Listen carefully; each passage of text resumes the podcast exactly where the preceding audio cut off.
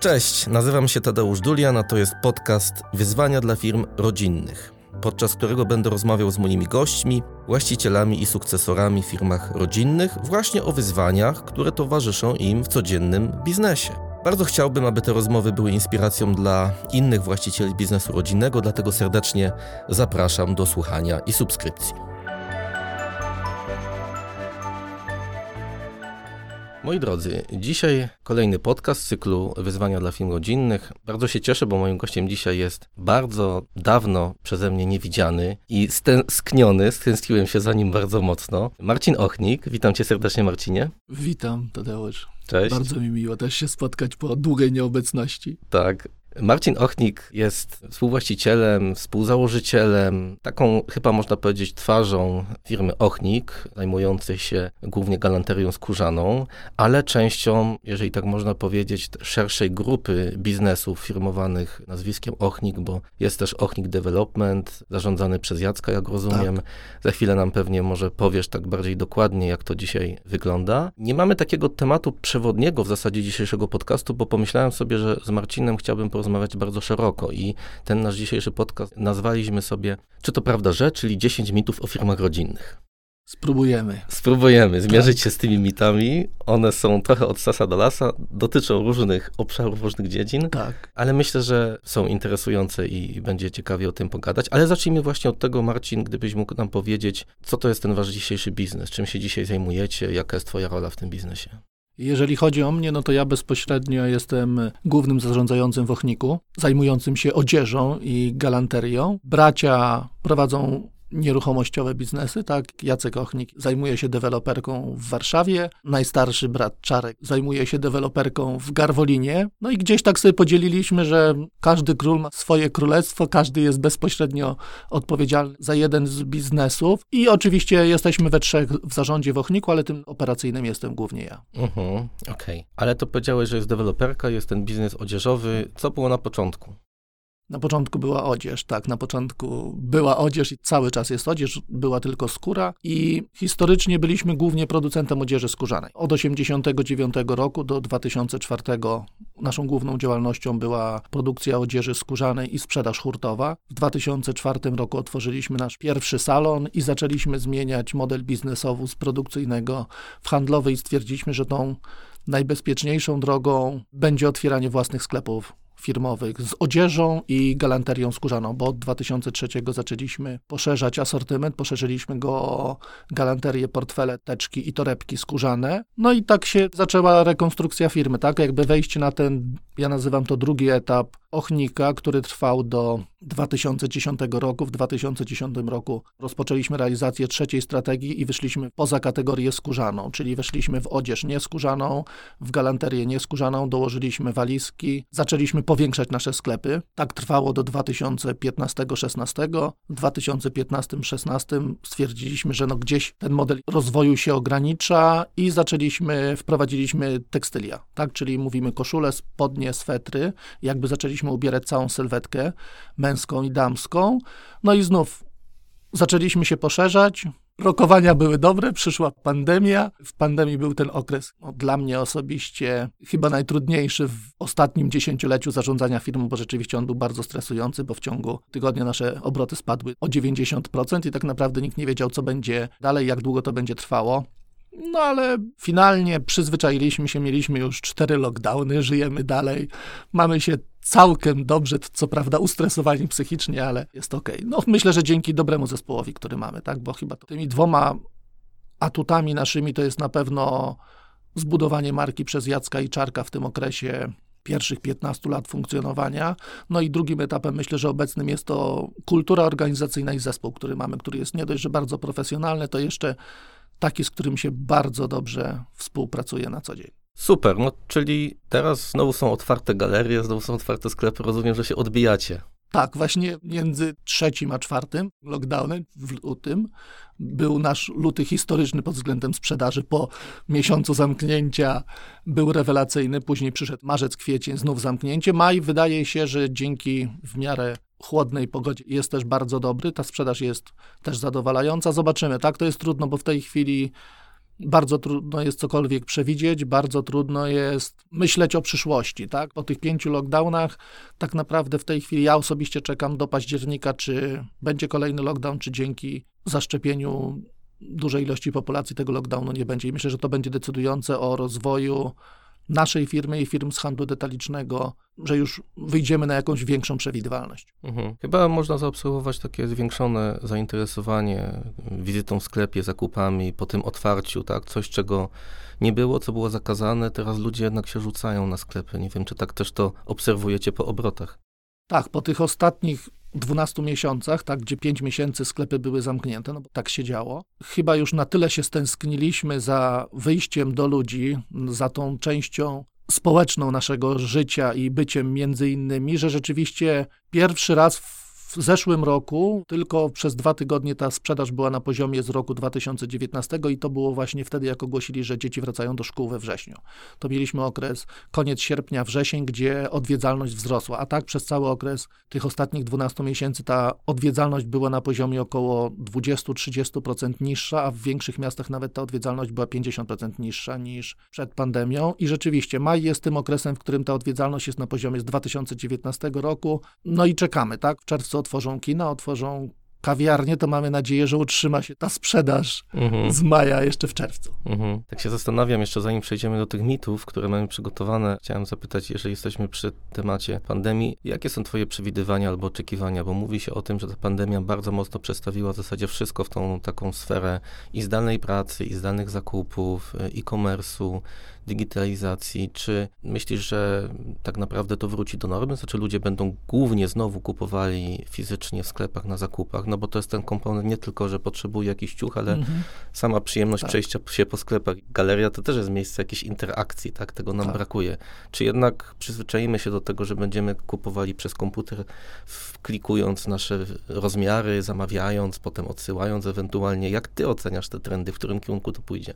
Co, my mieliśmy szczęście, bo my pracowaliśmy cały czas. Oczywiście, jak był jakiś dział, że były osoby chore, to dzieliliśmy się na zmiany, ale cały czas nie mieliśmy pracy zdalnej. Stwierdziliśmy, że jak pracuje magazyn, pracuje produkcja, no to jednoczymy się z nimi i wszyscy przychodzimy normalnie. Wszyscy na pokładzie. Tak, tak, wszyscy na pokładzie, jesteśmy razem. Także ja nie doświadczyłem siedzenia w domu.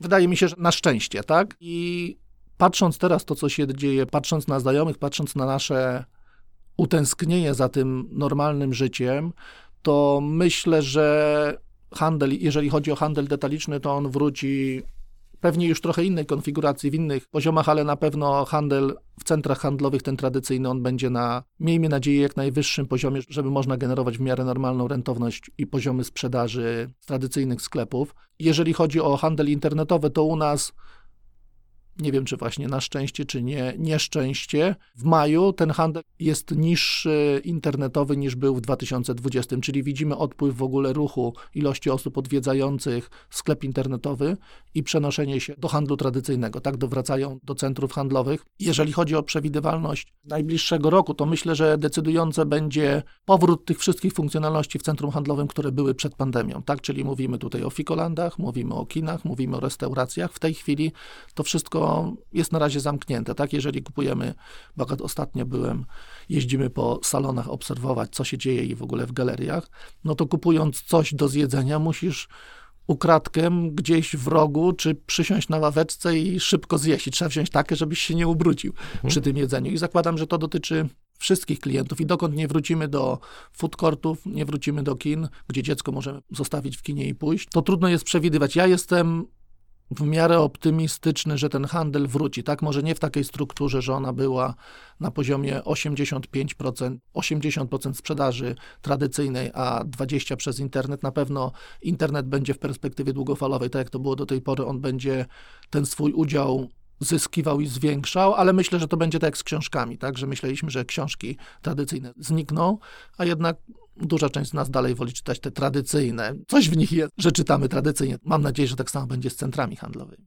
Tak, dla każdego coś miłego. I te zakupy nie jako działanie, którego celem jest, żeby mieć coś do ubrania, tylko trochę jak taki rytuał, prawda? Celebrowanie Dokładnie. zakupów, przymieszanie, chodzenie. To znowu myśmy chyba na to nie patrzyli, że to jest dosyć istotny. Tak, i wejście element. do innych ludzi, tak? I tak czy tak stęskniliśmy się za byciem z innymi ludźmi, po prostu.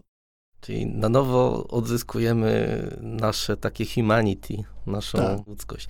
Dobrze, a wracając do tych naszych mitów, bo mówiłeś o tym, że na początku była odzież, a potem w pewnym momencie podjęliście decyzję o tym, że może development jeszcze, czyli deweloperka, czyli dywersyfikacja znowu pewnie spowodowana albo jakimś próbą podziału ryzyka, albo wchodzenie w takie inne obszary, które gdzie tam, gdzie jest biznes, to tam się robi biznes, tam, gdzie jest Mhm. zysk, tam się robi biznes. Chciałem zapytać, czy też na waszym przykładzie mógłbyś powiedzieć, jak finansowaliście to wejście w nowy obszar, bo jeden z mitów, z którym chciałem dzisiaj się zmierzyć, to jest fakt, że firmy rodzinne, tak ja to obserwuję, w wielu przypadkach i tak też się mówi, firmy rodzinne samofinansują swój rozwój, to znaczy niechętnie korzystają ze środków finansowych zewnętrznych, czy to bankowych, no bo jest to zadłużenie, które trzeba spłacać, jest koszt tego pieniądza, czy z dopuszczania inwestorów, funduszy inwestycyjnych, no bo to jest utrata kontroli, no a te fundusze wymuszają wysoką efektywność kosztową, która wpływa zwykle na dobrostan ludzki, Pamiętam kiedyś podczas Wschodniego Kongresu Gospodarczego w Białymstoku mieliśmy taką debatę, gdzie jeden z przedstawicieli firm rodzinnych, właścicieli firm rodzinnych powiedział, wy tu cały czas mówicie o wskaźnikach, miernikach, a gdzie w tym wszystkim jest człowiek? Więc dla firm rodzinnych ten czynnik ludzki jest bardzo istotny i czasami istotniejszy niż ta efektywność kosztowa. Z kolei jak mamy takiego inwestora typu właśnie fundusz inwestycyjny, no to mnóstwo z takich słynnych przypadków, że poszukiwanie tej Mhm. efektywności kosztowej, która się może odbijać z jednej strony na dobrostanie ludzkim, z drugiej strony na jakości. Czyli co? To prawda, że firmy rodzinne przede wszystkim rozwijając się, finansują z własnych środków? To chyba należy wziąć pod uwagę, każda firma jest na indywidualnym etapie. My od 10 lat większość swoich inwestycji finansujemy z własnych środków bądź z jakiegoś tam stałego poziomu zadłużenia, które wzrasta w stosunku do przychodu. Tak? I my w Ochniku cały czas się tym kierujemy. Na różnych etapach mieliśmy różne etapy, różne poziomy zadłużenia. Tak? Był okres, w którym rzeczywiście ten poziom zadłużenia był bardzo wysoki. Był okres, w którym do Ochnika wszedł nasz wieloletni znajomy, przyjaciel, który przez pewien okres był w Ochniku naszym wspólnikiem. W tej chwili we trzech dalej zostaliśmy z powrotem we trzech wspólnikami stuprocentowymi. Także jeżeli chodzi o Ochnika, to na pewno naszym celem jest przede wszystkim, tak jak wspominałem, tak, wysoka efektywność i dobre wyniki finansowe i je od wielu lat utrzymujemy na bardzo dobrym poziomie, powyżej średniej rynkowej. I z drugiej strony dbałość o tą kulturę organizacyjną. Kilka lat temu ustaliśmy sobie zasadę, w której też przede wszystkim stawiamy, oczywiście jest rodzina, ale jest też efektywność, tak? Jeżeli nie będzie efektywności, to na pewno rodzina z takiego biznesu no, średnio będzie zadowolona, no bo będzie pewnie to rodziło w jakiś sposób konflikty i spojrzenie, że można było zrobić coś lepiej. Nam do tej pory udaje się w miarę utrzymywać na stałym poziomie te wyniki finansowe, dobrym stałym poziomie. I większość osób głównych zarządzających w firmie, główne osoby odpowiadające za poszczególne działy są osobami z zewnątrz. Mhm. Oczywiście też pracuje kilka osób z rodziny, tak, bo mamy ustalone, że z każdej rodziny pracuje dwie osoby w Ochniku, w związku z tym jest nas sześcioro i jakby mamy przypisane swoje zadania, swoje cele, no i je realizujemy, tak, ale na ten moment główne stanowiska zarządzające poszczególnymi działami są to osoby albo wieloletni współpracownicy, z którymi razem tą firmę tworzyliśmy, albo tak jak w przypadku dyrektora finansowego czy dyrektora marketingu, osoby, które do nas przyszły już z doświadczeniem z innych firm. Mhm, okej. Mówiłeś o tym, że mieliście tego wspólnika, przyjaciela wieloletniego, który przez chwilę wszedł. Teraz jesteście sami. To ja chciałem zapytać cię o to, jak patrzycie na tą właśnie kontrolę właścicielską. Czy to musi być tak i czy to w waszym przypadku tak jest, że jednak rodzina ma mieć pełną kontrolę nad firmą i nie wolno? No bo z jakichś powodów już jesteście dalej jako bracia, tak? Właścicielami. Czy jednak myślicie w ten sposób, że wpuszczenie partnera kapitałowego albo pozarodzinnego udziałowca to jest początek końca firmy? No i pytanie też o to, jak w przyszłości, jeżeli będą sukcesorami wasze dzieci, to czy na przykład sobie wyobrażacie, że ta kontrola rodziny dotyczy też zięciów synowych, czyli powinowatych, czyli traktujemy to tak bardzo wąsko raczej, czy szeroko? Mnie się wydaje znowu, to jest taki kolejny mit, ta kontrola właścicielska, który ja obserwuję, że większość firm rodzinnych jednak chce bardzo ograniczać tą kontrolę i ma obawy przed tym, żeby jako wspólników wpuszczać kogoś z zewnątrz, nawet jeżeli są to te osoby z takiej rodziny bliskiej, ale nienuklearnej, czyli właśnie powinowaci, partnerzy, żony, mężowie, dzieci, potomków. Wiesz co, my mamy na razie po dwie, także każda rodzina sobie zdecyduje, kto to ma być, tak? Mhm. Każda rodzina decyduje, kogo chce wpuścić i ta osoba, jeżeli ma doświadczenie, to dostaje wyższe stanowisko, jeżeli nie ma doświadczenia, to zaczyna od podstawowych stanowisk. I u nas w tej chwili wszystkie osoby, które są, zaczynały od podstawowych stanowisk i gdzieś w miarę nabierania doświadczenia przechodziły na wyższe poziomy i dostawały szerszy zakres obowiązków. Dotyczy to mnie, dotyczy to wszystkich osób, które są w firmie. Pytanie, na ile chcemy tą odpowiedzialność zwiększać, na ile to, co jest, nam wystarczy, ale to już jest indywidualne pytanie. Jeżeli chodzi o przyszłość, ja jestem, ja osobiście, tak, jako mówiąc, jako ja, Marcin, udziałowiec, jestem za tym, żeby ten model dalej utrzymywać. Czyli dwie osoby z rodziny i dana rodzina decyduje, kogo wprowadzają do firmy. Mhm. No i oczywiście później Moim zdaniem prezes powinien decydować na przestrzeni czasu, czy te osoby, które zostały wprowadzone, realizują te zadania, które przed nimi stoją, żeby mogłyby dalej awansować. Ja patrzę z perspektywy tego, że powinniśmy patrzeć to, co jest najlepsze dla firmy, tak? A oczywiście osoby z rodziny pracują, ale realizują cele i zadania biznesowe firmy. Co Okej. na koniec składa się na realizację tej strategii i planu, który prezes i poszczególne działy mają do zrealizowania. No a co jeżeli by była taka sytuacja, że właśnie ktoś z tej rodziny dalszej ma super wyniki, jest super zaangażowany, wywiera wpływ rzeczywiście na firmę, no ale mówi, kurczę, no jeżeli mam dalej się angażować, to jednak to mi nie wystarcza, chcę być udziałowcem. Powinienem być zaangażowany również udziałowo, prawda? Jak na to patrzycie? Bo są takie modele, właśnie tydzień temu rozmawialiśmy z prezesem firmy Astor, Stefanem Rzeczkowskim, który 27% udziałów w swojej spółce Astor Investments oddał pracownikom, a pozostałe 70 parę procent zostaje w jego rękach jego brata i on troszeczkę łamie ten model, że taka pełna kontrola rodzina nad firmą, prawda? Wiesz co, ja zakładam, że do pełnej kontroli wystarcza 51%, tak? Wystarcza większość. Na pewno, jeżeli chcemy budować zaangażowanie, to tym sukcesem powinniśmy się dzielić z innymi, tak? Na pewno, jeżeli chodzi o spółki informatyczne, tamten czynnik zespołu jest zupełnie inny, tak? Bo ten zespół tworzy program, ten zespół tworzy tą wyjątkowość. W przypadku firm takich jak nasza, bardziej w modelu tradycyjnym, Mhm. tam trochę jest to trochę inne. Tak, my działamy na zasadzie wszystkie wyniki są jawne, bieżąco osoby znają wyniki i później tymi wynikami dzielimy się na koniec roku, jeżeli je wybronimy, dowieziemy. Jeżeli chodzi o przekazywanie udziałów naszym dzieciom, tak, dzieciom czy innym pokoleniom, no to myślę, że znów zostaje to na etapie decyzji każdego z udziałowców, tak, co on ze swoimi udziałami robi. Jeżeli chodzi o mnie, no to ja mam nadzieję, że na przestrzeni pięciu, siedmiu lat mamy jeszcze taką do zrealizowania strategię. Mam nadzieję, że na przestrzeni pięciu, siedmiu lat nastąpi sukcesja, zmiana na stanowisku prezesa.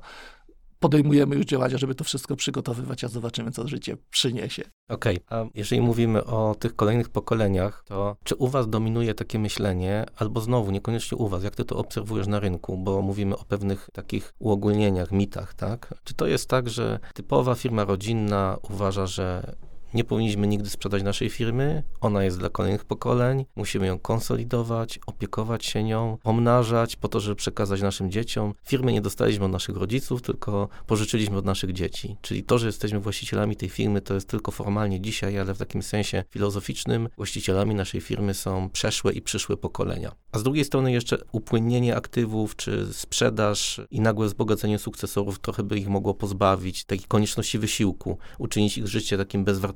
Dlatego powinni Mhm. rzeczywiście mieć tą firmę, żeby z niej żyć, pracować w niej, jeżeli to jest możliwe, ale nie powinniśmy dawać im możliwości odziedziczenia czy uzyskania udziałów o dużej wartości po to, żeby mogli na przykład je sprzedać. Czyli jak to jest? Czy firma jest dla przyszłych pokoleń, robicie wszystko ku temu, żeby to była wielopokoleniowa firma, czy nie wykluczacie, że w pewnym momencie może trzeba ją sprzedać i robić na przykład coś innego? Wydaje mi się, że w przypadku Ochnika ja też będę mówił za siebie, no bo każdy z nas, czy Jacek, czy Czarek, mogą mieć różne spojrzenie, ale jak rozmawiamy, to ja ze swojego punktu widzenia wydaje mi się, że moim marzeniem jest, żeby po moim odejściu mój syn chciał przyjść do firmy i ją, dwóch synów mam, także ja pracuję i moja żona pracuje. Mamy nadzieję, że jeżeli dotrą już do etapu, w którym będą mogli rozpocząć pracę, że oni wejdą do firmy, a my wyjdziemy. Chciałbym, żeby tak było. Czy oddam władzę, czy nie, w sposób polubowny, czy nie, tego nie wiem, bo to ta władza jest magiczna i nie wiadomo, jak to będzie. Mam nadzieję, że będę miał na tyle odwagi, że to zrobię w sposób godny dla siebie. Moim osobistym marzeniem jest, żeby postąpić tak jak Adam Małysz, czyli zrealizować coś wielkiego i powiedzieć, że okej, to już wszystko i chciałbym coś w swoim życiu zmienić. Trudno jest na razie powiedzieć, no bo ja mam 17-latka i 11-latka, w związku z tym ta ich dojrzałość jeszcze gdzieś tego starszego się rozwija, młodszy jeszcze pewnie żyje jeszcze w innym świecie. Patrząc na ten moment, wydaje mi się, że to dzieci powinny w perspektywie długofalowej, to dzieci powinny zobaczyć, czy to im pasuje, czy nie, czy chcą w tym pracować, czy nie i co chcą z tymi aktywami zrobić, tak? W sposób gdzieś rozmawiać my jako ta część udziałowców wewnętrznie, zdecydować co jak chcemy. Wydaje mi się, że ja jestem tego zdania, że nic na siłę. Najlepiej wtedy, gdy robić coś z własnego przekonania i wiary. Jeżeli mam być na siłę udziałowcem, to w perspektywie długofalowej to się może źle odbić, tak? Jeżeli nie będzie jedności większościowych udziałowców w firmie, no to w perspektywie długofalowej ta presja na prezesa, ta zła atmosfera, która gdzieś będzie się rodziła ze względu na brak integracji, zaufania i jedno myślności, tak, jakby realizacji strategii, ona będzie powodowała, że w perspektywie długofalowej ta firma pewnie będzie traciła swój impas, wyniki finansowe, kulturę organizacyjną to w perspektywie kilku lat no źle wróży, tak, i wtedy może lepiej taki biznes oddać. My do tej pory jesteśmy na etapie tym, w którym temu zespołowi, który teraz zarządza firmą, udało się z dobrymi sukcesami zrealizować dwie strategie. W tej chwili mamy w realizacji kolejną, trzecią strategię. Rokowania są optymistyczne i zobaczymy, tak? Także my ostatnie te 10-15 lat myślę, że udziałowcy są zadowoleni z obecnego zarządu i z tego, jak realizujemy tą strategię, a sytuacja i życie jest dynamiczne, w związku z tym trudno jest rokować, tak? Mhm. Okej, okay, czyli tak reasumując, to te dzieci będą podejmowały decyzje, co z tym dalej robić. Nie będziesz ich wiązał na zasadzie przekazuję wam tę firmę, ale tylko pod warunkiem, że ją dalej będziecie rozwijali, tylko to wy macie podjąć decyzję, co dalej z tą firmą. Wiesz co, wydaje mi się, że ja patrząc z perspektywy, to raczej pewnie powiem, że korzyści z tej firmy są wasze, udziały są u mnie. Mhm. I jak będziecie dobrze budować tą wartość tej firmy, tak, wartość tych udziałów, no to super, bo pewnie to jest marzenie każdego rodzica, żeby gdzieś dalej dzieci realizowały ten cel, ale nie wykluczam też sytuacji, w której powiem, ok, jeżeli wy nie chcecie, no to przecież nie będziemy tego trzymać na siłę. Mhm. Chyba Maciek Duda ostatnio opowiadał o takim fajnym przykładzie, że ojciec chciał sprzedać firmę, bo stwierdził, no kurczę, te moje dzieci nie są zainteresowane, dostał ofertę od jakiegoś funduszu i siadł z tymi dziećmi i dzieci stwierdziły, nie, nie, nie, to w ogóle za mało, to nie warto, robimy tą firmę. I ta sytuacja spowodowała, wyzwoliła jakiś taki impuls wśród tych sukcesorów, że jednak, no, ta firma jest coś warta, nie możemy tak po prostu jej sprzeniewierzyć, sprzedając poniżej wartości, zaangażowali się, dzisiaj prowadzą tę firmę. Więc trochę to jest tak, że życie pisze scenariusze różne Dokładnie. i nie wiadomo, co się stanie, co może spowodować, że nasze kolejne pokolenia będą się w firmę angażowały. W którym momencie dojrzeją do tego, żeby się firmę zaangażować, może rzeczywiście muszą pójść w świat i pracować gdzieś na zewnątrz dopiero, kiedy docenią to, co to jest firma rodzina, jaka to jest wartość, bo poczują, jak to jest pracować trochę jako najemnik w jakichś tam mm -hmm. rozmaitych korporacjach międzynarodowych, jako pracownik taki zwykły, to wtedy wracają, stwierdzają, no to jest wartość, chcę to rozwijać. Zresztą takie przykłady przykłady mamy wspólne Kuby Proznera. Ciekawą historię, mam nadzieję, że Kubę też mi się uda. Kubo, jeżeli nas słuchasz, to zapraszamy cię serdecznie do tego, żebyś tutaj dołączył jako kolejny gość i opowiesz swoją historię. To może nie będziemy zdradzali. Historia Kuby Proznera, takiego późnego wejścia, powrotu do biznesu rodzinnego, to przed państwem, to jeszcze usłyszymy w jednym z kolejnych odcinków sobie. Ale ja też widzę dużo takich modeli, wiesz, że znaczy to nie jest zero-jedynkowe, to znaczy mogę oddać udziały swoim dzieciom, zachować kontrolę nad firmą, zachować kontrolę nad tym, kto będzie w zarządzie, jak powołujemy członków zarządu, czyli trochę to sterowanie, jeżeli jest taka potrzeba u tych założycieli, nestorów, to co sterowanie sobie zostawić, a te pożytki oddać tym mhm. dzieciom, które w biznesie Wiesz są. co, u nas jest trochę inna sytuacja, bo u nas nie ma jednego właściciela. U nas jest trzech mniejszościowych właścicieli, w związku z tym, jeżeli chcemy coś, ja przekazuję dzieciom, no to wiadomo, musimy mieć jakąś spójność właścicielską, tak, czyli dogadujemy jakieś cele we trzech, i później dalej cedujemy to na kolejne 15, dobra, za chwilę 15 dzieci z ich współmałżonkami. W związku z tym wydaje mi się, że my jesteśmy trochę nietypową rodziną, bo my jesteśmy jedno pokolenie dalej od większości z naszych firm rodzinnych, tak? Bo mhm. zazwyczaj są to jedni założyciele. U nas jest już dobra, nie tyle dwóch założycieli, tak, bo bracia zakładali, ale gdzieś jest trzech wspólników, którzy, no dobra, za chwilę będzie wymiana pokoleniowa, tak, tych głównych zarządzających. Także my musimy najpierw z braćmi je ustalić, tak jak my to widzimy, a później gdzieś to dzieciom każda z naszych rodzin powie swojej rodzinie, co myślisz, tak? -hmm, I -hmm. później oni będą musieli się zgrać z kolei już w tym kolejnym pokoleniu. No tak, wy jesteście już teraz jesteście wy drugim pokoleniem, a przed wami trzecie pokolenie i też takie zróżnicowane wiekowo, bo u Jacka te dzieci są już takie dojrzałe, prawda? Tak, pierwsze pokolenie tych naszych dzieci to jest między 20 8, 26. No i drugie pokolenie jest między w tej chwili 17, 19. No i ja mam jeszcze najmłodszego syna, który ma 11. Także ja mam jeszcze ten komfort, że mogę jeszcze chwilę poczekać. Tak, ale ja to też obserwuję, jak my pracujemy nad planowaniem sukcesji i konstytucji rodzinnych z firmami rodzinnymi, to są właśnie takie sytuacje, że z jednej strony ci sukcesorzy są jeszcze młodzi, mają kilkanaście lat, ale w drugiej linii rodzinnej brata czy siostry dzieci już studiują, tak? I to jest ten ostatni dzwonek, żeby zacząć z nimi rozmawiać o tym, a jakie dalej plany, no bo z jednej strony może być taki scenariusz, że to dziecko wyfruwa na zewnątrz i potem chce wrócić, a z drugiej strony wyfruwa i już nie wróci. I znam takie przypadki, kiedy to ojciec, założyciel firmy naprawdę musiał używać dużych zachęt finansowych, żeby te dzieci pościągać do firmy, bo tak chciał, chciał, żeby one mhm. pracowały w firmie, no a tamte kariery już były rozwinięte tak zupełnie poza firmą. Właśnie ja tutaj, wiesz co, ja nie wiem, ja, to jest moja cały czas pierwsza praca, dlatego ja w innej nie pracowałem, to nie wiem, co powiedzieć. I u nas rzeczywiście nasze dzieci, dobra, nasze dzieci, dzieci moich braci, też to są ich pierwsze prace i pracują od razu w firmie. Nie wiem, nie mam pojęcia, tak? Znów w Enelmedzie Jacek Rozwadowski poszedł do innej firmy, tak, na wysokie stanowisko i dopiero przyszedł jako doświadczony menadżer gdzieś z jakąś swoją wizją, wizją firmy i też ją w jakiś sposób zreformował, wprowadził na nowe poziomy. U nas to było jakby dobra, wprowadzaliśmy ją na nowe poziomy pewnie dzięki osobom, które spotkaliśmy na swojej drodze i które pomogły nam je przetransferować i dać jakieś impulsy do nowego rozwoju. Także chyba tego nie ma jednego idealnego, tylko każdy z nas jest w swojej wyjątkowej sytuacji, ma chyba dużo szans i zagrożeń. Tak, ale wiesz, myślę sobie teraz o tych ścieżkach życiowych różnych, że znam takie przypadki, że z kolejnego pokolenia w firmie ktoś został i pracował od początku w firmie rodzinnej, a brat czy siostra wychodzili na zewnątrz, pracowali w firmach doradczych, takie jak nasza, albo jakichś bankach międzynarodowych przez ileś tam lat, potem wrócili z zupełnie inną wizją rozwoju, zupełnie innymi wartościami, co jest ważne długofalowo, jak strategię budować. I to z jednej strony wzbogaca firmę mm -hmm. rodzinną, bo pokazuje nową perspektywę, ale z drugiej strony powoduje taką trochę sprzeczność tego, co ważne, tego, co jest istotne między tymi, którzy się wychowywali biznesowo na firmie rodzinnej i między tymi, którzy się uczyli na zewnątrz. Czyli trochę tak, jakby ta korporacja z firmą rodziną, to myślenie korporacyjne z myśleniem takim typowym dla firm rodzinnych ścierało się, ale nie w postaci takiej, że przychodzi zewnętrzny, profesjonalny jakiś zarządca do firmy i próbuje porządkować, mhm. wbrew wartościom, tylko tak. członek rodziny, który jest no. nauczony czegoś innego. To jest fajne. Jeżeli te osoby w rodzinie się dogadują, mają wzajemne zaufanie i chcą siebie słuchać nawzajem, no to na pewno to powoduje, że doradcy mają mniej pracy, no bo oni to robią wewnątrz rodziny, wewnątrz firmy, tak? To na pewno jest bardzo pozytywne.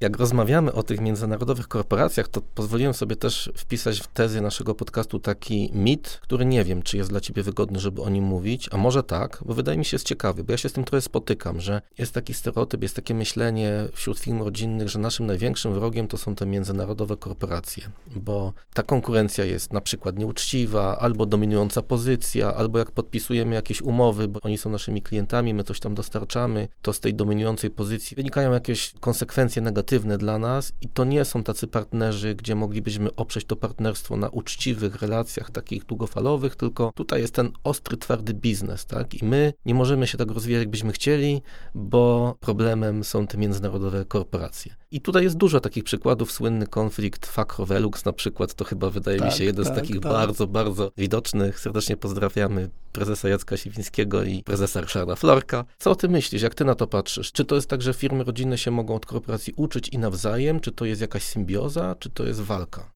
Wiesz co, no myślę, że w naszym przypadku na pewno bardzo dużo się nauczyliśmy, bo wydaje się, że no będąc już firmą zatrudniającą 600 osób, mając 100 sklepów, no musimy mieć elementy nie tyle korporacyjne, ja mówię o korporacyjne w sensie procesów, planowania, czy zarządzania 100 różnymi sklepami w całej Polsce, tak? To już musi być to w jakiś sposób usystematyzowane, uporządkowane. To, co my się staramy robić, bo też każdy z nas jest na etapie jakiegoś elementu korporacji, tak? To, co my się staramy robić, to My zatrudniamy bardzo dużo osób i staramy się indywidualnie rozpatrywać problemy salonów, tak? Oczywiście mamy 80% problemów takich samych, ale jest jeszcze indywidualnych 20, które staramy się uczciwie, solidnie, szczerze rozpatrywać, uwzględniając jakieś tam potrzeby poszczególnych stron i to wydaje mi się, że to powoduje to, że wzrasta wzajemne zaufanie, tak? Wzrasta wzajemne zaufanie i uwaga na drugą stronę, że się nawzajem słuchamy. To to na pewno pomaga. Jeżeli chodzi o korporacyjność, to ja mam na myśli korporacyjność w sensie takim, że takiej kultury bezduszności, parcia na wyniki, tak? Jeżeli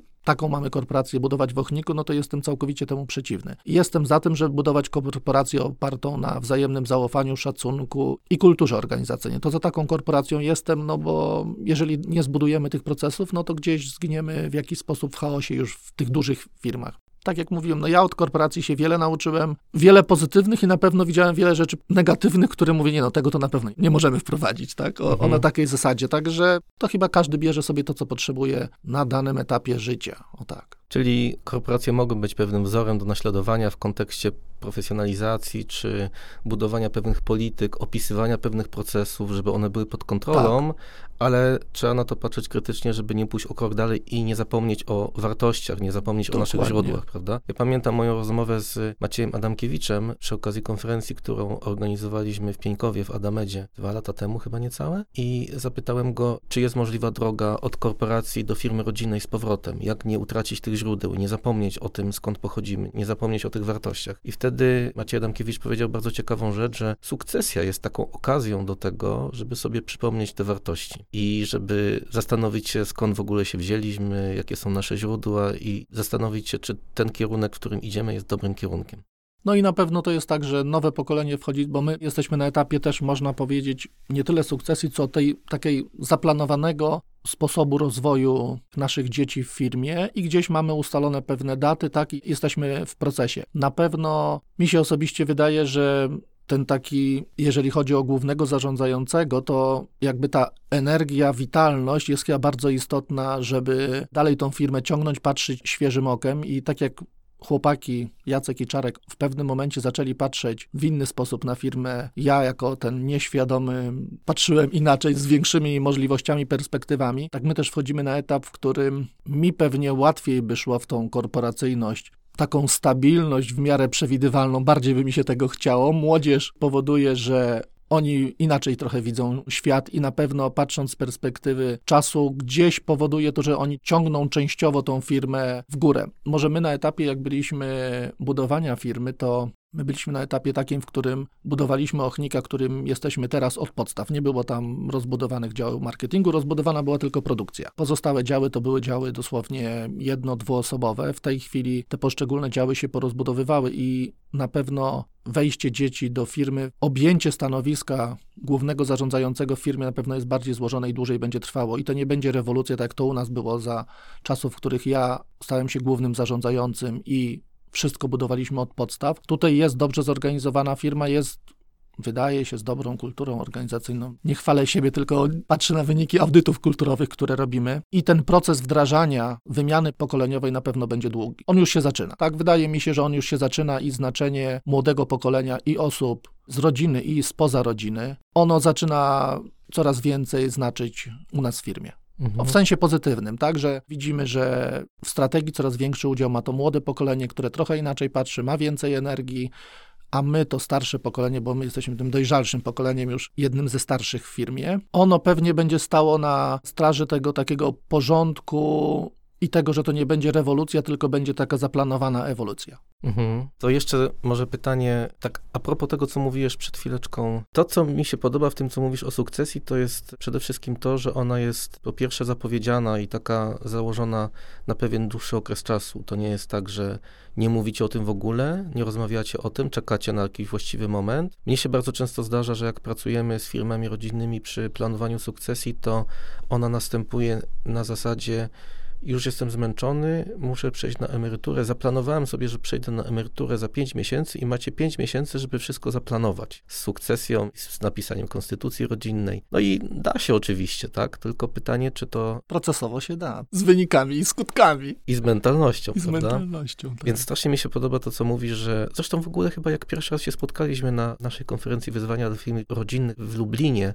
dawno, dawno temu. Wtedy cię poznałem. Tak, nie, mm. poznałem cię w Krakowie, tak, i później w Lublinie się Potem w Lublinie się widzieliśmy na tej pierwszej konferencji. To wtedy właśnie o tym mówiłeś, że już jest skazany sukcesor, wie o tym, przygotowuje się i jest to proces rozłożony na wiele, wiele lat. I to wydaje mi się bardzo dobre, bo znowu takie modele planowania sukcesji, one w ogóle jak popatrzymy na sytuację, kiedy młody człowiek staje się sukcesorem, jeżeli to są takie zdarzenia nagłe, że zostaje sukcesorem tak z dnia na dzień na skutek jakiegoś nieszczęśliwego zdarzenia na przykład, to raz nie jest przygotowany mm. i nie zawsze da sobie radę, dwa ta odpowiedzialność ogromna, która na niego spada, może go przygnieść, a trzy on zwyczajnie może tego nie chcieć i tak. nie tylko, że nie być gotowy do poprowadzenia firmy, ale po prostu tego nie chcieć. I teraz w takich modelach zachowań sukcesorów, jeżeli ta motywacja jest taka, że muszę, bo nie ma komu, albo wypada mi, bo tego oczekuje rodzina, albo muszę, bo nigdzie indziej nie znajdę pracy, tylko w debacie, z tej mhm. firmy rodzinnej, to to się kończy źle. Ta motywacja musi być... Prawie zawsze, tak. Tak, ta motywacja musi być oparta na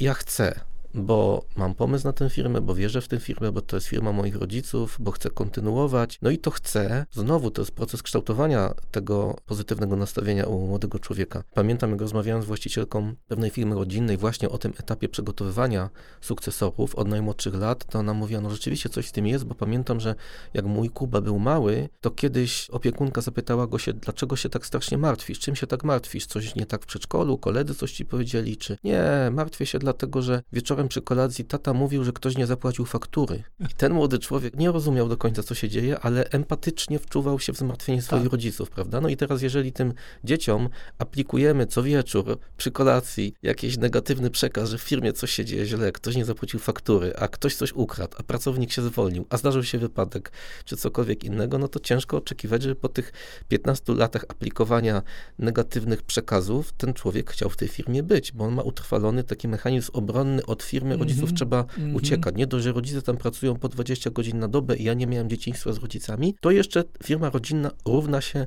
problem. W związku z czym w tych planach sukcesji, jeżeli jesteśmy w stanie je zaczynać na tym etapie, kiedy to dziecko jest naprawdę małe, nawet w wieku przedszkolnym i w odpowiedni sposób do ich poziomu mentalnego, intelektualnego, emocjonalnego aplikujemy pozytywny przekaz dotyczący firmy, a potem na tym etapie nastoletnim już jesteśmy w stanie mm -hmm. stworzyć jakieś konkretne zadania, konkretne obszary zaangażowania, czy to brak praktyki, czy jakaś działalność charytatywna. Dzisiaj młodzież, dzisiaj ta młodzież też starsza oczekuje od firmy, że ta firma będzie miała jakiś, użyje naszego hasła, impact that matters, to znaczy będzie wpływała na otoczenie, mhm. prawda? Więc to, co mówisz o tej sukcesji waszej, że po pierwsze o tym rozmawiacie, a po drugie to jest strasznie tak zaplanowane na odległy okres i nikogo do niczego nie zmusza, tylko dajemy sobie multum opcji, dajemy sobie coś najważniejszego, czyli czas, to wydaje mi się czynnikiem sukcesu sukcesji. No i tak ja jestem bardzo pozytywnie, patrząc z perspektywy, to na razie ten cały proces i kandydat bardzo dobrze rokuje. Tylko wiesz co, mi się zdaje, że ja nie wiem jak to jest, że dobra, u mnie synowie, my nie rozmawiamy, tak? Ja nie rozmawiam z Tomkiem, z tym starszym o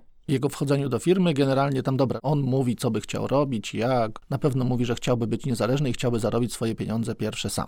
Co mnie bardzo cieszy i jest chłopakiem takim w miarę ułożonym. Zapraszamy do Deloitte'a. O, dobra, to powiem, że on sobie swoją pracą będzie mógł popracować. Ja nie wiem, jak to się robi. Ja zawsze patrząc na braci, tak, podziwiałem ich i gdzieś w naturalny sposób, nieświadomy, podziwiając, chciałem być taki jak oni, tak, i robić podobnie jak oni. I tak się stało, że do nich dołączyłem. Syn Czarka, Damian, też w jakiś naturalny sposób Czarek nigdy z nim nie rozmawiał, nigdy go nie dusił. Generalnie to był Damiana wybór, żeby być tu, gdzie jest. Po prostu na studiach przychodził, na miesiąc pracował, w wakacje, tak, podczas studiów też tam pracował w sklepach w Warszawie i gdzieś w naturalny sposób wydaje się, że to jest jego decyzja. Zresztą Damian to podkreśla, że to on Cieszy się, że tata mu nie mówił, tylko to jest jego decyzja, że jest tu, gdzie jest. W tej chwili jest już bardziej świadomy, tak, rzeczywiście tym kandydatem do sukcesji jest Damian. Ten proces jeszcze jest złożony, tak, no bo on przechodzi, jest w tej chwili na tym trzecim, czwartym etapie swojego rozwoju i ma jeszcze pewnie ze trzy do przejścia, żebyśmy mogli wspólnie za dwa lata popracować i żeby mu tą przekazać te wszystkie rzeczy z tej perspektywy głównego zarządzającego. Jak będzie z moimi dziećmi, tego nie wiem. Tak jak mówiłem, chciałbym, żeby oni pracowali, ale wydaje mi się, że przede wszystkim to musi wynikać z decyzji, własnej decyzji tego, który będzie wchodził, tak, że ja jestem tym taki, który wywiera presję na innych, no i wiem, że im bardziej wywieram z moimi dziećmi, tym zawsze jest gorzej, no i, mhm. i się uczę, żeby to były ich decyzje. Ale teraz przypominam sobie taką historię francuskiej rodziny Hermes. To są założyciele, czy obecnie prowadzący takiego ultra luksusowego domu modowego w Paryżu. To tam jeden z obecnych prezesów opowiadał o tym, że jemu ojciec nigdy nie zaproponował pracy w firmie, tylko on musiał sam sobie to wywalczyć. To znaczy musiał po pierwsze wyartykułować, że chce, sam siebie zapytać, z sobą się tutaj dogadać jakoś, czy chce, wyartykułować to, a potem wywalczyć, zasłużyć. To nie było na zasadzie, że chodź, chodź, będziesz pracował w naszej firmie, tylko z drugiej strony, czyli w tamtym przypadku i w waszym też przypadku rozumiem, że inicjatywa jest po stronie sukcesorów. To oni muszą zdecydować, co oni chcą i trochę wziąć to w swoje ręce ale to mi się zdaje, że innego wyjścia nie ma. Jeżeli my będziemy mówić, co my chcemy dla nich, ja jestem też z tych, co najlepiej sami chcą zdecydować to, co chcą, tak? Na bazie różnych doświadczeń, obserwacji, ale zawsze tak miałem, że chciałem, żeby ta decyzja była decyzją moją. I wydaje mi się, że ta decyzja jest decyzją najskuteczniejszą, najtrwalszą i najbardziej motywującą, tak? Bronić samego siebie, a nie bronić tego, co mi kazali. Mhm. Także ja mam nadzieję, że to będą właśnie decyzje naszych dzieci, nie rodziców, tak, nie takiej presji, że no dobra, no powinieneś, powinieneś pilnować, powinieneś zrobić, to będzie twoje i tak dalej. Wróćmy jeszcze na chwilę do jednego z tych mitów, które sobie wynotowałem, bo trochę wspominałeś o tym, że macie ustalone, ilu członków rodziny będzie pracowało w firmie, prawda? Kiedy ja pracuję z firmami rodzinnymi, bardzo często zdarza się, że takiej polityki czy zasad dotyczących zatrudniania członków rodziny w firmie nie ma. Decydujemy się tak ad hocowo, ponosimy tego koszty. Niektórzy, na przykład w tym drugim pokoleniu, który już patrzy bardziej biznesowo, mniej troszkę emocjonalnie, mówią: w ogóle nie zatrudniajmy członków rodziny w firmie, bo to są same problemy.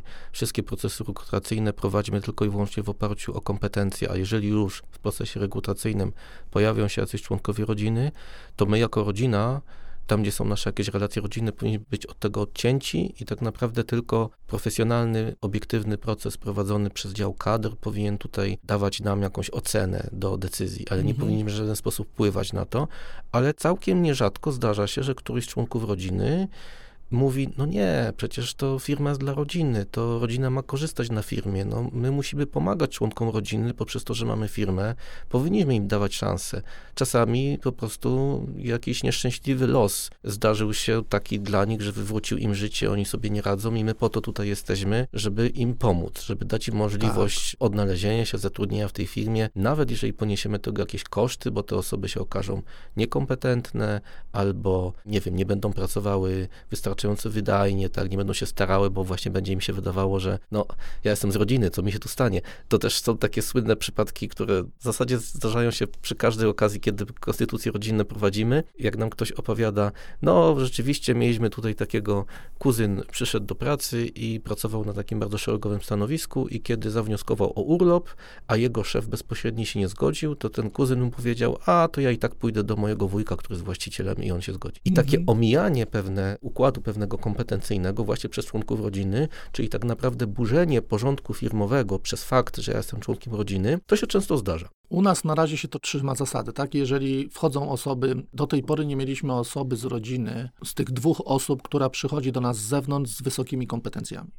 tak, bo generalnie wszyscy zaczynaliśmy od podstawowych stanowisk, rozwijaliśmy się, każdy z nas w swoim tempie i nie mieliśmy takiej sytuacji. Jeżeli mamy osoby z rodziny, którym trzeba pomóc, no to oczywiście my prywatnie, jako dane indywidualne rodziny, możemy decydować i możemy pomagać, tylko możemy pomagać w ramach swojej pomocy wewnątrzrodzinnej, tak, a nie pomagać kosztem firmy. I tego się trzymamy. Na razie tego się trzymamy. Zobaczymy, tak, na pewno Pewnie każda z rodzin chciałaby mieć, kurde, no dobra, mój syn to, ja żeby mój syn mógł pracować, to ja muszę zrezygnować z pracy, tak, i muszę odejść z niej. Mhm. W związku z tym akurat tak się składa, że ten termin sukcesji tak akurat nam się wpasowuje, że jeżeli będzie chciał pracować, to będzie miał taką możliwość, pracować w firmie, bo ja odejdę, tak. To samo będzie dotyczyło mojej żony. Jeżeli młodszy syn będzie chciał pracować, no to znów to musimy podjąć decyzję, czy on, czy ona, tak, czy będzie chciał pracować, czy nie. Ale wydaje mi się, że to jest zdrowe dla firmy, tak. Jeżeli mamy budować zdrową firmę z przejrzystymi zasadami. Przecież wszyscy na nas patrzą, tak, z punktu widzenia głównych zarządzających, główni zarządzający, co róż mamy rozmowy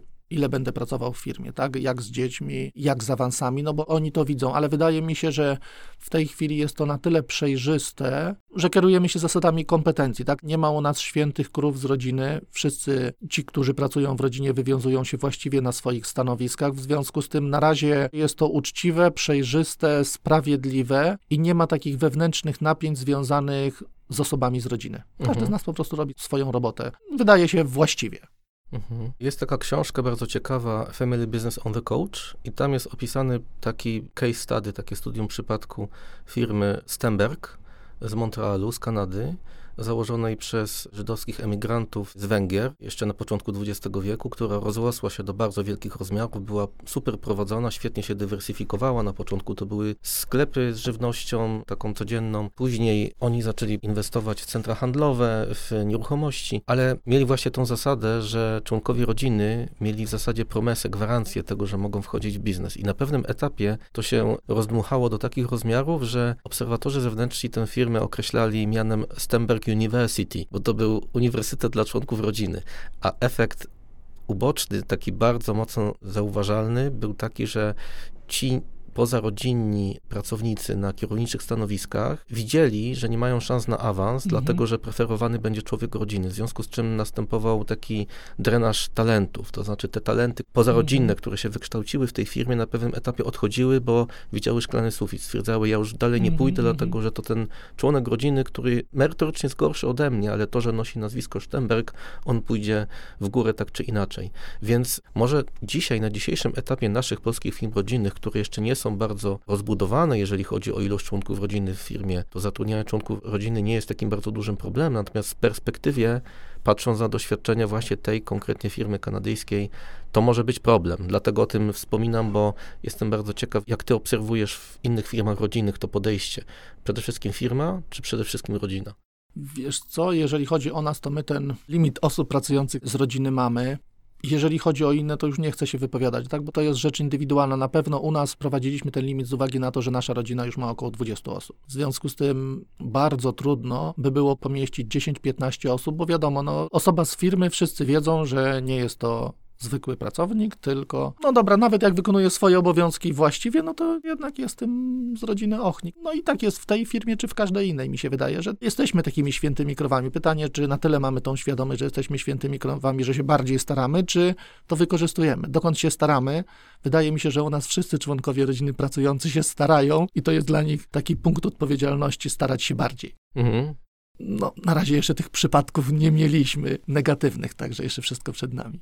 Powiedz mi taką rzecz. Pamiętam, jak zwiedzałem centrum B plus R Inglota w Przemyślu, to Zbyszek Inglot, jak nas tam oprowadzał po swoim zakładzie, to z każdym z tych pracowników się witał i pamiętał imię tego pracownika. I to tak pokazywało, że on, mimo tego, że cały czas podróżuje po świecie, otwiera nowe sklepy, stara się wszędzie być jako właściciel, w każdym miejscu, gdzie ma sklep i tam od czasu do czasu odwiedzić. Niedawno z nim rozmawiałem i planowaliśmy jakieś wspólne spotkanie, to mówiłem nam to dopiero w sierpniu, bo ja na bliższe dwa miesiące mam co do dnia zaplanowane nie ma szans. Pojeżdżę i wtedy pamiętam, że rzeczywiście wyglądało na to, że on jest takim typem właściciela, który jest bardzo blisko swoich pracowników, wie czym się kto zajmuje, zna ich. Powiedz mi, czy wy już jesteście taką firmą, że to się u was tak nie da? Czy ty znasz swoich pracowników, wszystkich tych, nawet nowi, którzy przychodzą, nie wiem, jak jest taki tak zwany onboarding, mm -hmm. wprowadzenie do firmy, to rozmawiasz z nimi, czy już jest tak, że jednak jesteś gdzieś tam troszkę wyżej i rozmawiasz z tymi kierownikami, a tych ludzi jest tak dużo, że nie da się wywierać tego pozytywnego wpływu mm -hmm, właściciela mm -hmm. przez to, że się z mhm. każdym jest na ty i każdemu rękę uściśnie. Czyli to jest trochę, wracam do pytania o korporatyzację, tak?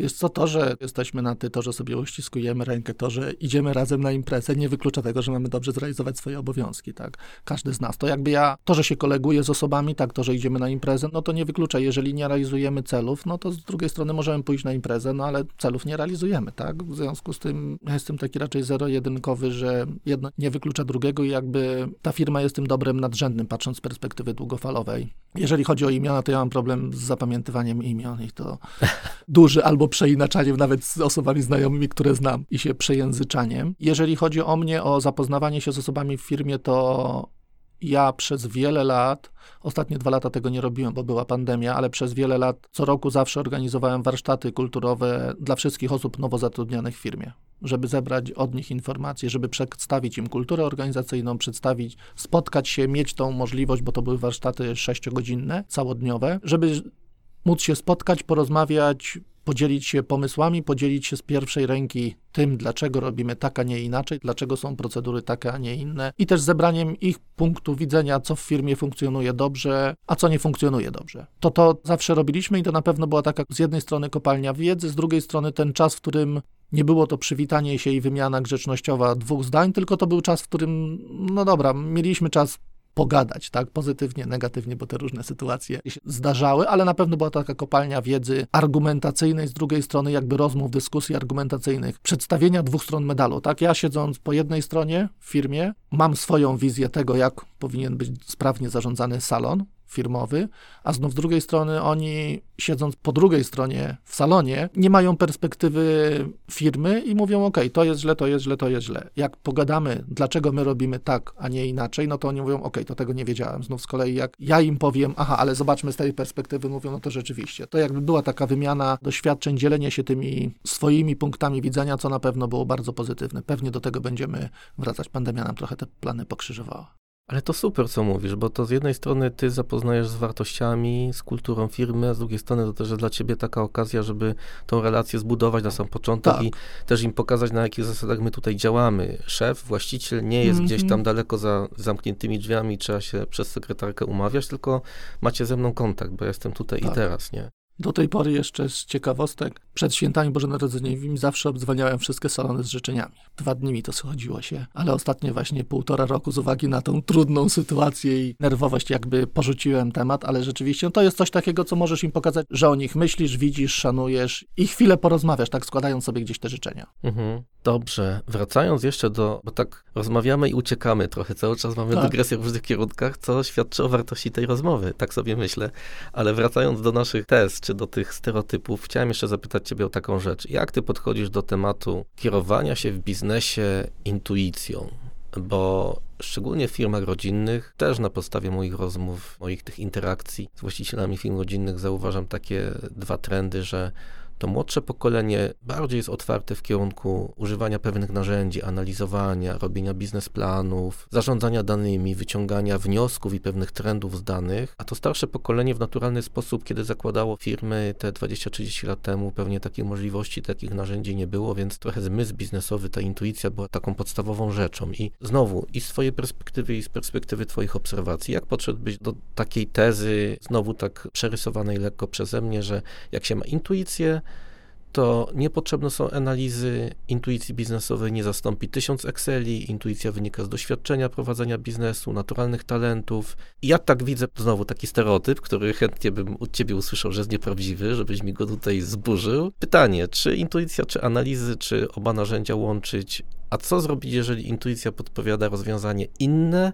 niż analizy biznesowe? Mhm. Wiesz co, mi się zdaje, że ja osobiście uważam, że intuicja buduje się na podstawie setek tysięcy dokonanych analiz w swojej pracy, w doświadczeniu z pracy w poprzednich latach i gdzieś wyostrza się ten zmysł, w którym kolejne różne decyzje, które podejmujemy, one są podejmowane na jednej kartce papieru, tak, ale one są poparte setkami, wieloma analizami z czasów poprzednich, z wielu lat prowadzenia biznesu. Ja uważam, że i jedna, i druga rzecz są bardzo istotne. Wydaje mi się, że musimy chyba, tego nie wiem, tak mi się wydaje, że te osoby, skuteczne osoby zarządzające, tak czy tak, wydaje mi się, że muszą mieć jakąś intuicję, w której te dane, które gromadzą, analizują w lepszy sposób od innych, tak? No bo ta intuicja jest na bazie tych danych, które mamy, bynajmniej Wydaje mi się, że w moim wypadku tak było, tak? Obserwacja, analiz Excelów, tabelek, czynników zewnętrznych, zbierania danych zewnętrznych i na podstawie tych wszystkich danych my zawsze strategię robimy w sposób bardzo ogólny. Ustalamy w perspektywie pięciu lat, jakie chcemy mieć przygód, jakie chcemy mieć podstawowe wskaźniki biznesowe, podstawową sprzedaż z podstawowych grup asortymentowych, bardzo tak ogólnie założoną i oczywiście cały czas bieżąco, z tygodnia na tydzień te wskaźniki analizujemy i gdzieś poprawiamy po to, żeby gdzieś gdzieś tą strategię zrealizować. Także ja zakładam, że jedno i drugie.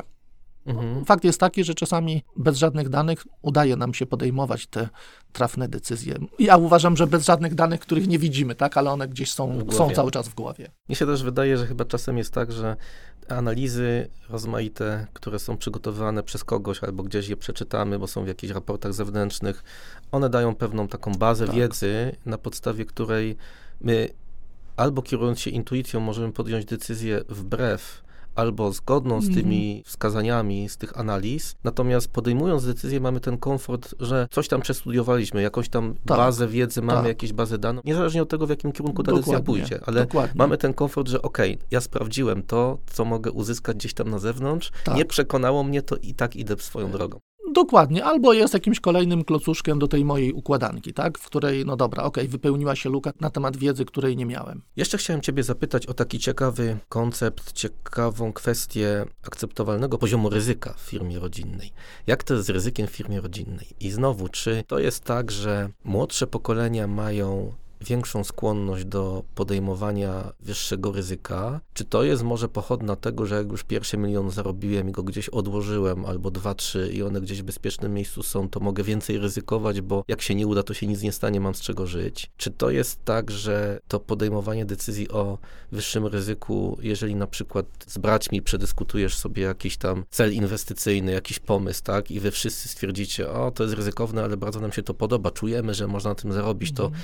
wejdziecie w to ryzyko. Wiesz, jak pracujemy znowu podczas tworzenia konstytucji rodzinnych, pracujemy nad opisaniem ładu rodzinnego, ładu korporacyjnego, czyli w ładzie korporacyjnym dyskutujemy o tym, jak funkcjonuje zarząd, rada nadzorcza, zgromadzenie udziałowców czy wspólników, jak podejmują decyzje i jakie są obszary, czy zagadnienia krytyczne, gdzie na przykład decyzje nie podejmuje się zwykłą większością albo dwoma trzecimi głosów, tylko to wymaga może nie jednomyślności, bo to jest y, już bardzo trudne, ale trzech czwartych, tak, albo jakiegoś takiego wysokiego progu decyzyjności, prawda? Czy u was na przykład jest coś takiego, że są jakieś obszary, których na przykład albo to macie napisane właśnie w kompetencjach na przykład zarządu, tak, albo zgromadzenia wspólników, albo instynktownie wiecie, że o kurczę, to jest decyzja, że musimy ją wspólnie podjąć i na przykład jest to tego rodzaju poziom ryzyka, że jeżeli na naszą trójkę jeden powie, że nie, to tych dwóch go nie będzie na siłę namawiał. Wiesz co, my jesteśmy na etapie, w którym jeszcze nie doszliśmy do sytuacji, w której jeden z trzech powiedział nie. Do tej pory w kluczowych decyzjach wszyscy mówiliśmy tak. Jeżeli chodzi o mnie, to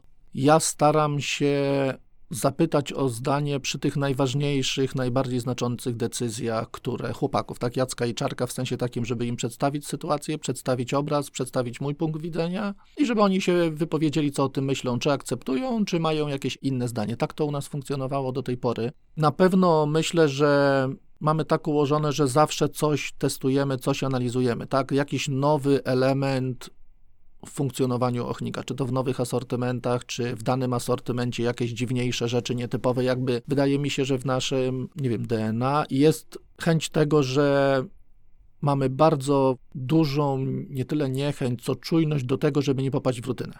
Tak jakby jak coś robimy cały czas, to cały czas powtarzalnie to samo, to znaczy, że coś się zaczyna dziać nie tak, no bo zazwyczaj historycznie patrząc, jak coś powtarzaliśmy kilka razy, to przeważnie nasza czujność spadała i później dany obszar trochę słabiej funkcjonował, także tą skłonność do małych ryzyk mamy stosunkowo wysoką. Jeżeli chodzi o duże ryzyka, to na pewno, jeżeli chodzi o firmy, to my mamy ten komfort, że mamy własne osobiste aktywa, które gdzieś funkcjonują niezależnie już od firmy, tak mówiąc o ochniku detalicznym i to nam daje taki komfort, komfort, w którym możemy pozwalać sobie na te trochę większe ryzyka i niekoniecznie trzymać się tak niezależnie, co się będzie działo, trzymać się tak zawzięcie ochnika, bo bez niego też w jakiś sposób już chyba przeżyjemy.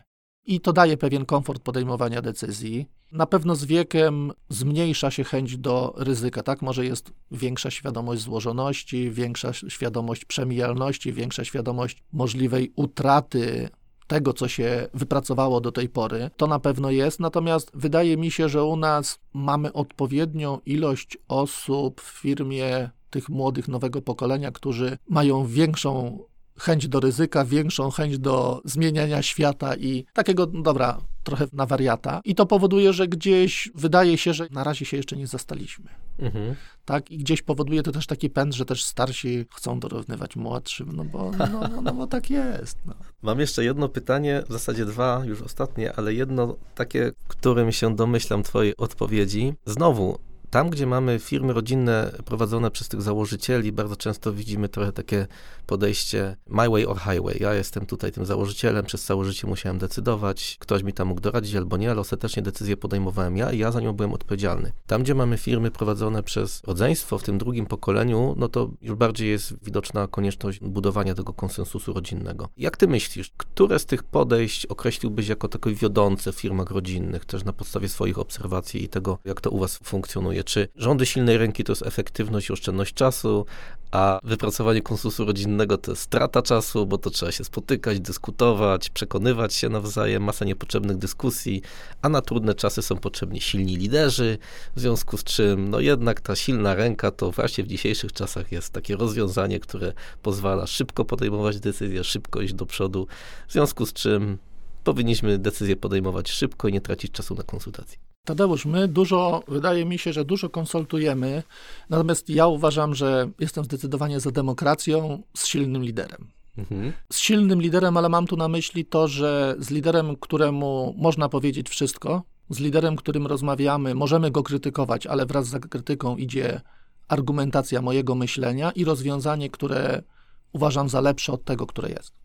Tak mówimy w sensie w rozmowach z szefami działów i tak dalej. Ale wydaje mi się też, że znów z drugiej strony powinien być silny lider, który wysłucha wszystkich, zbierze wszystkie argumenty i podejmie tą decyzję no, możliwie najbardziej trafną i adekwatną do strategii, którą realizujemy w danym czasie. I u nas do tej pory tak to funkcjonowało. Tak jak mówię, te wyniki za ostatnie 13 lat mieliśmy zawsze zdecydowanie powyżej rynkowej, powyżej średniej. I ten model u nas funkcjonuje, w którym, jeżeli chodzi o strategię tak samo omawianą w obszarze rodzinnym, tak, między braćmi, to do tej pory funkcjonowało, te ostatnie kilka lat funkcjonowało to tak, że ja jestem odpowiedzialnym za strategię. Oczywiście tę strategię wielokrotnie omawiam z chłopakami, przedstawiam w rodzinie na Radzie Nadzorczej i zanim ona zostanie ostatecznie zaakceptowana, to ją wielokrotnie omawiamy również i z podstawowymi, kluczowymi osobami w firmie. I ona zawsze była przejmowana i zawsze była dowożona, zazwyczaj z lepszymi wynikami, jak to było na początku. W związku z tym na razie wszyscy byli zadowoleni. Nie mieliśmy jeszcze sytuacji takiej, w której ta strategia się rozjechała, niedowieziona była z gorszymi wynikami. Tak jak ja bym reagował jako udziałowiec? No zacząłbym się bardziej przyglądać. Ja mówię jako udziałowiec teraz, tak? Jeżeli szef by nie dowoził tych wyników, no to dobra, pewnie starałbym się zbadać, jak jest w innych firmach, jaka jest ta średnia rynkowa, ale zacząłbym się zastanawiać nad takim prezesem. Nawet jakby był on z rodziny. O tak, ja mówię teraz o udziałowcu, jakim jestem i pewnie ta rozmowa by była trudniejsza, ale jestem za silnym liderem. Tylko za uczciwym, który przestrzega zasad, wartości firmy i który umie rozmawiać i umie wysłuchać krytyki, tak? W sensie takim myślę, że jedną z ważniejszych rzeczy jest możliwość powiedzenia przez współpracowników tego, co myślą, bez wyciągania z tego konsekwencji, oczywiście, jeżeli mówią złe rzeczy o szefie. Mm -hmm, tak. -hmm. No u nas wydaje mi się, że na razie jeszcze tak jest. Dobrze, a jeszcze chciałem Ciebie zapytać o to, jak wygląda, no bo Wy jesteście udziałowcami, jest pewnie duża szansa, że nie wszyscy Wasze dzieci z kolejnego pokolenia zaangażują się w firmę, zresztą macie tą zasadę mm -hmm. ograniczającą, prawda? Tak. Czyli część z tych dzieci może jakieś tam pasywne korzyści uzyskiwać z firmy w postaci dywidendy na przykład z udziałów. Czy Wy zawsze wypłacacie dywidendę, czy są takie lata, że na przykład decydujecie się jej nie wypłacać, dlatego że potrzeby inwestycyjne są większe, w związku z czym te reinwestycje to jest taki element być albo nie być naszej przyszłości. Mamy założony plan inwestycyjny, musimy to finansować. Tak jak mówiłeś, głównie finansowaliście zawsze dywersyfikację waszej działalności z własnych środków, trochę z kredytów obrotowych, ale to nie wystarczy. Więc czy myśląc o przyszłości i waszym dalszym rozwoju, wy macie taką politykę dywidendową, która mówi, że wypłacamy co roku tyle i tyle, czy podchodzicie do tego elastycznie? To trochę jest też pytanie o rozwój taki długofalowy, bo często jak porównujemy firmy rodzinne z firmami o akcjonariacie rozproszonym, takim szerokim, no to wśród tych akcjonariuszy rozproszonych jest y, duże ciśnienie na to, żeby te wyniki rok do roku były dobre i żeby ta dywidenda była wypłacana rok do roku. To się przekłada na myślenie prezesa firmy niedługofalowe w perspektywie 5 czy 10 lat, tylko w perspektywie roku, że te wyniki trzeba wykręcić po to, żeby one były jak najlepsze na koniec roku, bo inaczej akcjonariusze odwołają prezesa, prawda? Tak, tak. Wiesz co, jeżeli chodzi o nas, to my od kilku lat wypłacamy dywidendę Wydaje się, że właśnie tak jak mówiłeś, nie wszyscy będą pracować w firmie i powinni mieć namacalną, coroczną korzyść w postaci jakiejś tam premii ekstra, w postaci dywidendy. My tą dywidendę wypłacamy, ale znów też raczej kierujemy się dobrem firmy, tak? Bo jeżeli był COVID, no to wstrzymaliśmy 19 rok dywidendy, nie wypłaciliśmy z uwagi na to, że była tak trudna sytuacja, że stwierdziliśmy, że ta dywidenda zostaje w firmie. W tym roku dywidenda będzie wypłacona i raczej jesteśmy w stronę tego, żeby regularnie wypłacać dywidendę, żeby każdy mógł sobie te gdzieś swoje środki zagospodarować, jeżeli nie będzie pracował w firmie, czy on, czy jego żona tak? No bo u nas, tak jak mówię, ta ograniczona ilość osób powoduje, że musimy zadbać też o tych, którzy nie będą pracowali w firmie.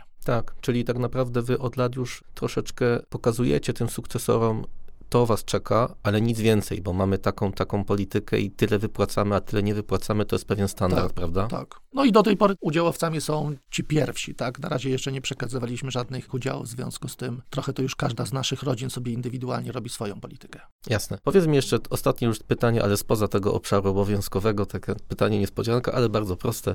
Gdybyś mógł się z nami podzielić e, twoim marzeniem biznesowym albo marzeniem prywatnym, bo czasami jedno równa się z drugim. Firmy rodzinne to jest taki obszar, gdzie ten biznes z rodziną się bardzo mocno związany i przenika i w niektórych firmach biznes i rodzina to jest jedno. W związku z czym, czy twoje marzenie biznesowe jest jednocześnie marzeniem prywatnym, czy masz jakieś dwa Mhm, takie mhm. oddzielone te zestawy marzeń? Myślę, że to ciekawe. Nie, no ja mam takie jedno marzenie. Chciałbym godnie odejść ze stanowiska prezesa, tak jak Małysz odszedł. Mhm. I druga rzecz, chciałbym zrobić doktorat. O, to są takie dwa moje marzenia. Już chyba nie biznesowe. Z zarządzania firmami rodzinnymi gdzieś w tym obszarze Okej. biznesowym, także. Ale wybrałeś już uczelnię? Masz jakąś na myśli? Tak, no mam, tylko nie jestem aż tak bystry, żeby być prezesem i robić doktorat. Tego nie podołam. I jeszcze być dobrym ojcem. No, starać się być dobrym ojcem. Także zacząłem, zrezygnowałem, no i teraz chciałbym jak najszybciej zrealizować tą naszą strategię, żeby móc rzucić papierami, w cudzysłowie oczywiście. Super, no to życzymy Ci w takim razie sukcesu z oboma marzeniami i z tym takim zamknięciem rozdziału biznesowego, który to jeszcze rozumiem daleko w przyszłości. To nie jest jutro, ani pojutrze, ani za rok, tylko No tak, jeszcze kilka lat. jeszcze trochę, Ale mniej jak więcej, mniej jak więcej. mam nadzieję. No i czekamy na doktorat. Myślę, że fajnie byłoby może znowu się spotkać na naszej sali podcastowej i trochę porozmawiać o tym, co wynika z tego doktoratu. Bardzo chętnie. Mam nadzieję, że to się stanie. Tylko najpierw trzeba napisać. Tak. Trzymamy kciuki. Dzięki serdecznie, Marcin. Dzięki bardzo, dziękuję. Było super ciekawie i bardzo dziękuję. Dziękuję bardzo.